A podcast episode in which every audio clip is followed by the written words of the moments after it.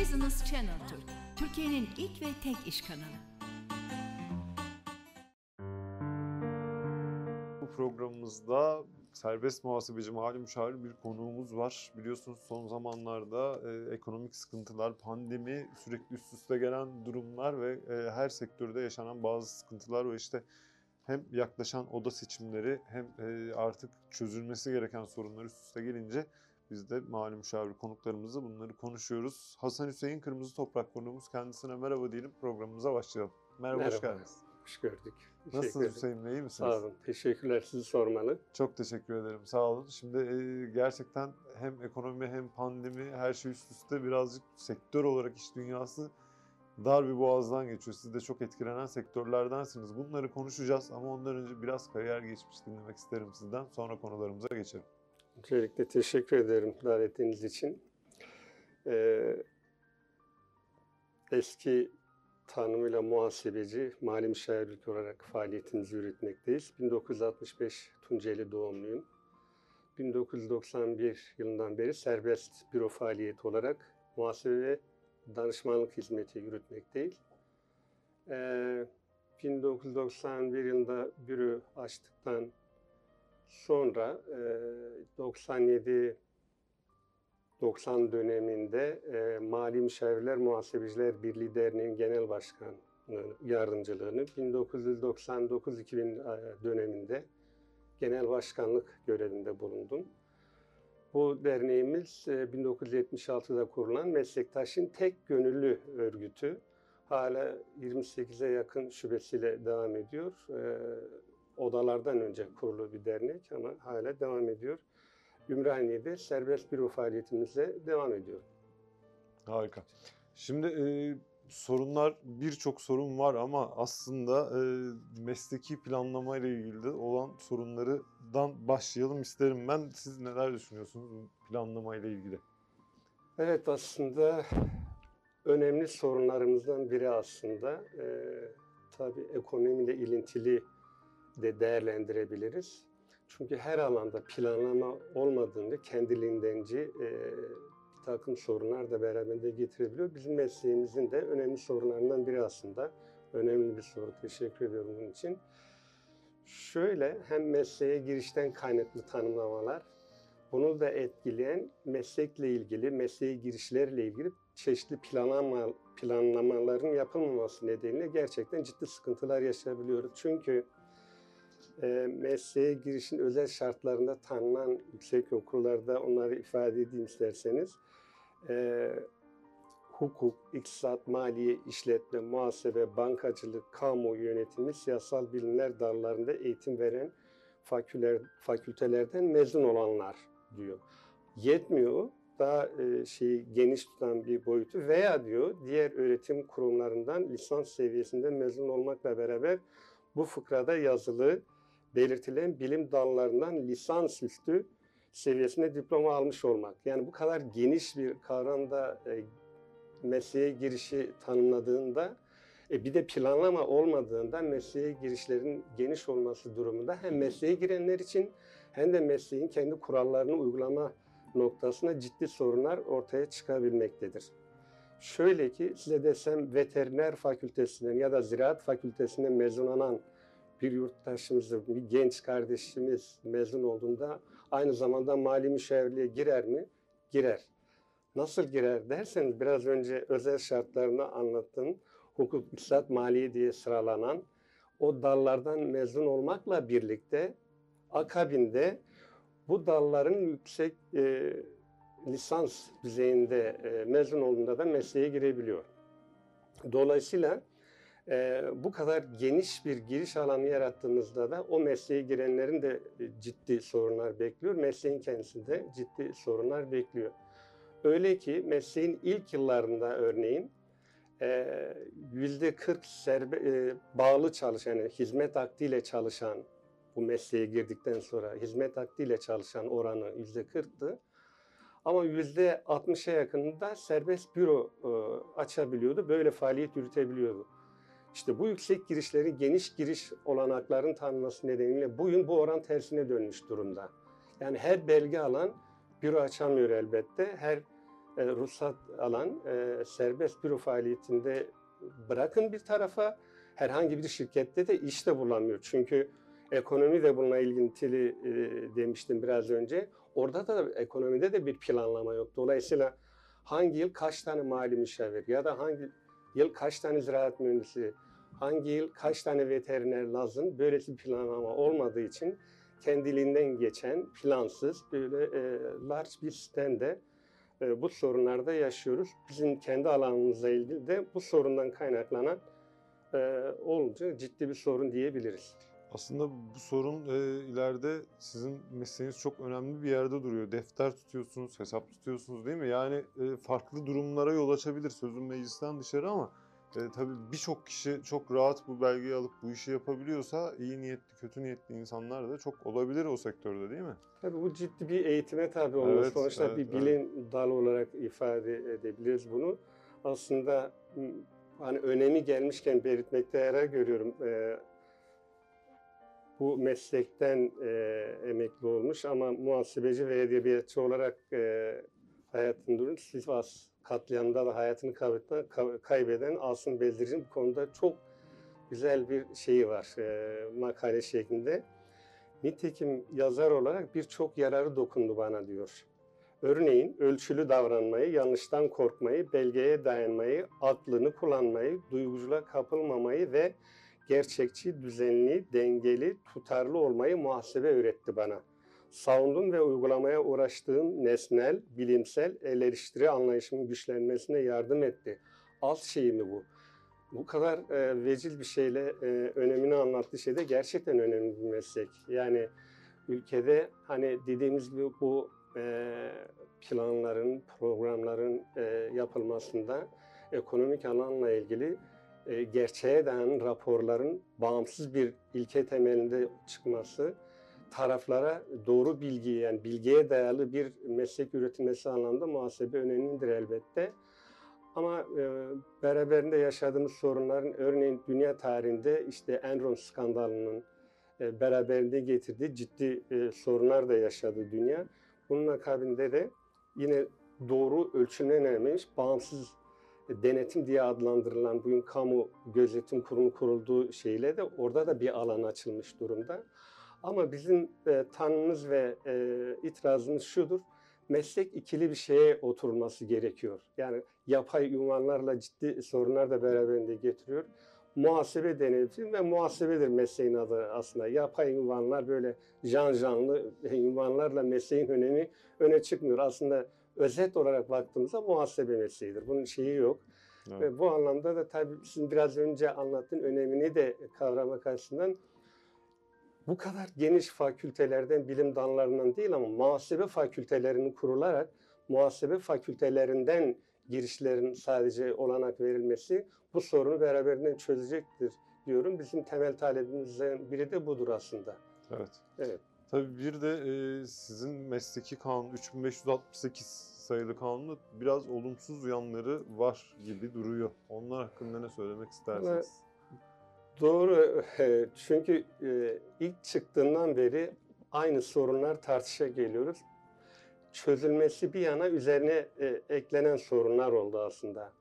3568 sayılı yasanın son derece antidemokratik bir e, vesayetçi, yani Maliye Bakanlığı ile ve diğer kurumlar ilişkisinde son derece vesayetçi bir yasa olarak tanımlanmış.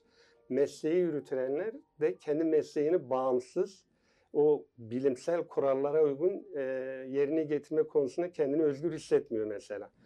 Demokrasinin kılıcı gibi şuradan ceza, şuradan yasak, buradan e, engel derken e, çok cendere içerisinde bir meslek yürütüyoruz.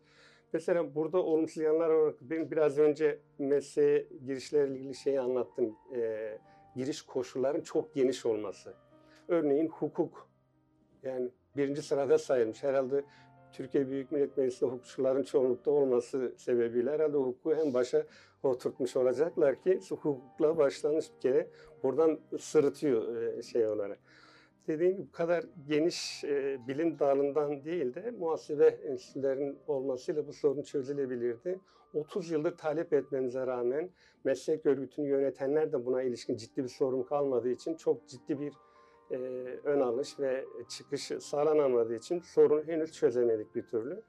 Yine ona ilişkin en antidemokratik diye ifade ettiğimiz üst birlik yönetimi mesela son derece antidemokratik. Şöyle tanımlıyor. Hani YMM odaları var, SMM odaları var.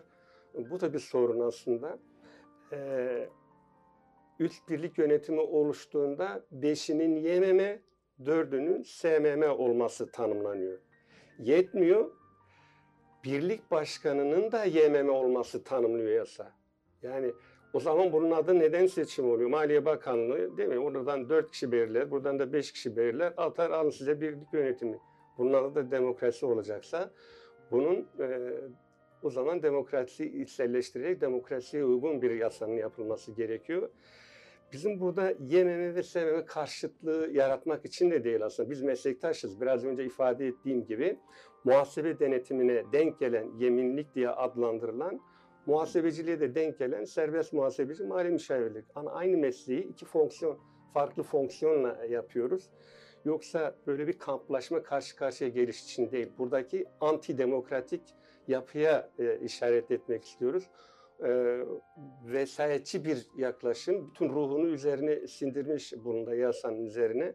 Yani bakanlığın meslek üzerindeki vesayet son derece derin hissediliyor. Bunadır itirazımız. Yoksa yani bağımsız demokratik bir mesleğin yaratılması için e, doğru tutum sergileyen, mücadele eden tamamını da meslektaş yememeden seçebilir. Yani buna şey değil, bizim anlatmak istediğimiz burada meslektaşın özgür iradesini e, ipotek koymamaktır. Yani e, kendi özgür iradesiyle o alanda kendi taleplerini ve sorunlarını çözebilecek meslektaşı seçsin. Dediğim bu yememe de olabilir, tamamı yememe de olabilir, sevmeme de olabilir. Bunun yasayla engellenmesinin son derece vesayetçi ve antidemokratik bir hüküm olduğunu 30 yıldır ifade ediyoruz. Yine biraz önce altını çizdim. Seçimlere doğru gidiyoruz. 15 Mayıs'ta İstanbul'da seçimler var. E, aday listelerimiz var. Buraya da hazırlanıyoruz. Burada itirazımız şu. 30 yıldır aşağı yukarı aynı yönetimler bulunmakta. Bu konulara ilişkin ciddi bir mücadele ve çıkış sergilediklerini görmedik. Biz bu sorunları çözmek için mücadele ede, e, e edeceğimize e, dair taahhütlerimiz var. Bu alanda bu sorunu son derece önemsiyoruz. Yani şey açısından. Yine ücret belirleme ile ilgili e, örneğin barolarda olduğu gibi mali müşavirlere kendi ücretlerini belirleme e, serbestliği ve yetkisi verilmiyor. Ücreti odalardan alınan önerilerle Birlik Maliye Bakanlığı'na önerecek, verecek. Maliye Bakanlığı da onu değiştirerek ya belirlenen oranları düşürerek değişiklik yaparak e, resmi gazetede ilana verebiliyor. Bu da demokratik bir yöntem değil. Yani bizim kendi alanımızda, kendi emeğimizin karşılığı olan ücretimizin yapılan çalışmalara tabii ekonomik koşullarda göz olarak kendimizin belirleyebilmemiz gerekiyor. Örneğin 2021 e, e, ücretlerin belirlemesinde ekonomik koşulların dengesinin bozulması nedeniyle asgari ücret %50'ye varan bir ücret artışı öngörüldü. Ama Maliye Bakanlığı bizim ücretlerimizde %25'e yakın bir ücret e, artışı uygun gördü. Bu da belli ki hani buradan bizim kendi e, sorunlarımızı çözmek noktasında ya da kendi e, ücretimizi belirlemek noktasında e, bir şey var, bir vesayetçi yaklaşım var. Bunu da e, reddediyoruz. Yine Maliye Bakanı'nın meslek örgütü üzerindeki vesayeti sınav komisyonu var. Sınav komisyonunun çoğunluğu yine Maliye Bakanlığı'ndan oluşuyor. Oysa üniversiteler var, birliğin kendi e, öğretim e, görevlileri var. Burada da bir çembere alma, bir üzerinde demokrasinin kılıcı gibi üzerinde bir vesayet getirici şey var. Bunu da yıllardır tartışıyoruz ama bırakın çözülmesini 5786 sayılı yasayla e, güya değişiklikler yapıldı. Sadece burada olumlu gördüğümüz bir nispi temsil sistemi getirildi. Hani çeşitli grupların seçimine girerek oy oranında yönetime girmesini sağlayan bir sistem. Onun dışında yine vesayetçi ve antidemokratik hükümler derinleştirilerek yasa değiştirildi. İşte sınav komisyonunun Maliye Bakanlığı'na e, düşen sayı arttırıldı. Yani sürekli böyle e, şeye alan, bir üzerinde bir tahakküm kuran bir anlayış var. Dolayısıyla demokrasinin ülkemizde biraz sorunu ilerlemesiyle de ilintili bir şey herhalde. Böyle de bir sorun yaşıyoruz. Ciddi sorunlarımız var elbette. Evet. Yine en önemli sorunlardan çok özür dilerim. Örneğin e, genel kurullar ciddi bir sorun olarak yani demokratiklik, şeffaflık, hesap verilebilirlik açısından baktığımızda her yıl mali genel kurullar yapardık. İki yılda bir de e, seçimli genel kurullar. Burada yönetimler o bir yılın hesabını işte bütçeleri, faaliyeti hesabını vermek açısından meslektaşları toplama olanağı vardı. Bu yasayla bu üç yıla çıkarıldı. Yani her yıl bunun hesabının verilmesi gereken 3 yıla çıkarıldı. E, zamana yayılarak unutturma herhalde. Hesap verebilmekten uzak. Meclisimizin Danıştay raporunun dikkate almadığı gibi buna denk gelen bir şey. Bunu da e, ciddi bir sorun olarak görüyoruz ve kabul etmiyoruz. Evet. Peki Evet. mali tatille ilgili e, düşüncelerinizi de merak ettim. Ne mali tatil aslında evet bütün bu süreçte yaşadığımız sorunlara baktığımızda en önemli sorunlardan biri de mali tatil. Hani barolarda avukatların adli e, tatili yaşadığı gibi bir mali tatil yaşamıyoruz. Adı tatil gibi görünüyor. Şimdi dışarıdan sıradan bir vatan, vatandaş şey şöyle algılayacak. Ya mali müşavirler de herhalde Temmuz ayında tatil yapıyor. Hiç e, eklektik ve e, kadük bir şeydir yasaydı. Bu e, benim Mali Müşavirler Birliği Derneği yönetiminde bulunduğum dönemlerde eğitsel mali tatil diye fiili bir uygulama başlatmıştık. 1 Temmuz ile 7 Temmuz tarihleri arasında her yıl hem eğitsel boyutu olan panel, seminer şeklinde eğitsel boyutu olan e, bir çalışmayı o 7 gün içine sığdırarak çö- e, meslektaşlarımızın eşleriyle, çocuklarıyla birlikte her yıl farklı bir bölgede e, tatil yapabiliyordu. Bu meslek kamuoyun gündemine oturuldu. E, devamında bu talep artınca e, dönemin başbakanı e, TÜRMOP Genel Kurulu'na katıldı. E, orada söz verdiler işte ana muhalefet lideriyle de şey yaptılar ama yasa öyle bir çıktı ki bırakın bizim sorunumuzu çözmeyi daha daraltan stresi bir hale getirdi. Yani adı tatil ama daha e, katı bir şeye dönüştürdü. Şöyle tanımlıyor. 1 Temmuz'la 25 Temmuz arasında önce öyle çıkmıştı. Sonra e, değişikliğe uğradı. E, 25 ne kadar tatil olacak. O kalan 6 gün içerisinde de bütün beyan ve bildirimler tamamlanıp bildirilecek.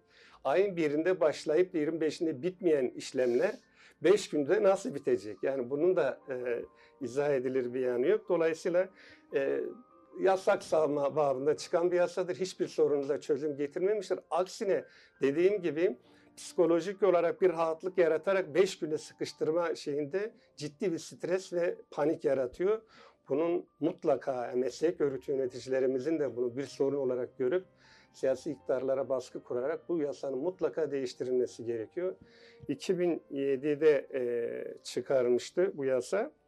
E, 28 3 2007 tarihinde çıktı. 5604 sayılı yasa. Dediğim gibi yani olumlu yöne doğru değişmesi gerekirken 25 1 ile 25 arasında olan süreyi 1 ile 20 arasına çekildi.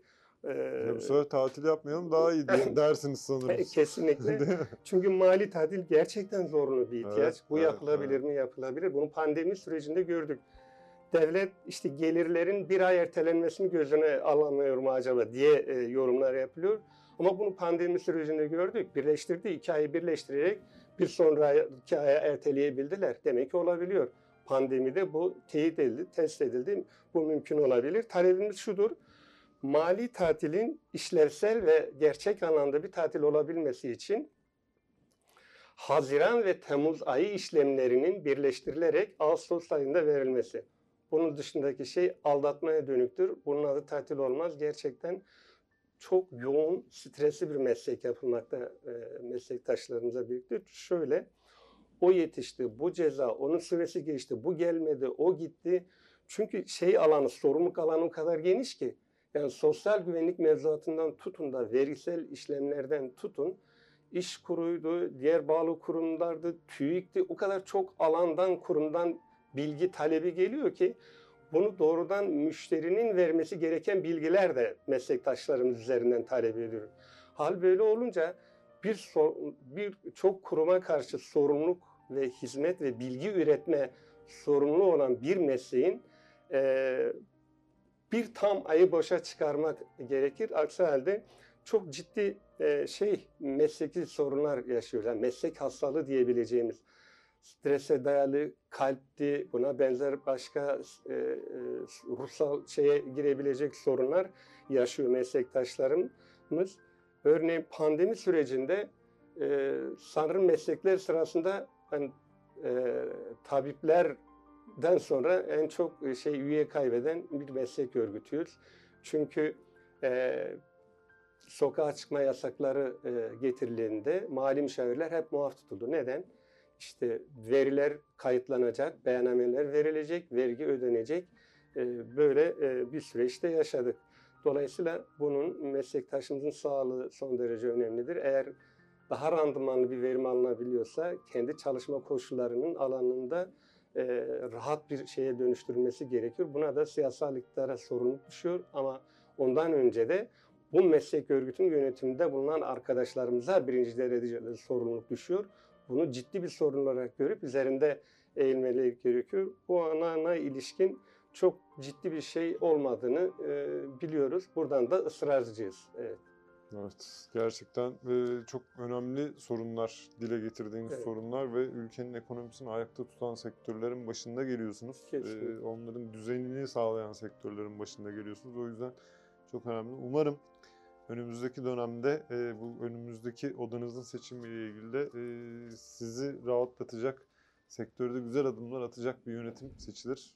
Umarım bir not daha Buyurun, e, e, buyurun. ekleyeyim. Yani bu sorunlarla ilişkin bir de sürekli zamanla yarışan bir meslek. Evet, Gerçekten dönemsellik çok önemli. Evet çok e, önemli. İşte şu tarihte bu yetişecek, bu tarihte bu yetişecek.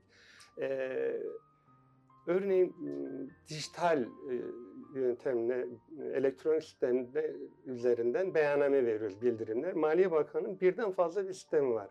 Elektronik defter bir tarafta, e-defter bir tarafta, defter beyan sistemi bir tarafta. Her birinin sistemi ayrı. Meslektaşların temel talebi de e, biz bunların her birinin altyapısı da sorunlan, e, yoğunluk e, oluştuğu günde sistem kilitleniyor. Biz gece yarılarına kadar meslektaşlar bilgisayar başında bekleyip beyanname verme şeyi yaşıyor, stresi yaşıyor. Bunun mutlaka çözülmesi gerekiyor. Yani bu sistemlerin altyapısını güçlendirilerek tek bir şeyden e, ortaklaştırılabilir. Bunun mutlaka çözülmesi gerekiyor. Bu da önemli sorunlarımızdan biri. Bunu da ifade etmeye ihtiyaç duydum. Teşekkür Evet, ederim. umarım çözülür. Evet, çok umarım. teşekkür ederim. Ben çok teşekkür için. ederim bu fırsatı verdiğiniz için. Rica ederiz. diliyorum. Umarız dediğim gibi oda seçimlerinde de istediğiniz gibi bir yönetim Umarım. bunları sizinle beraber mücadele verecek bir yönetim seçilir. Sağ olun. Umarım.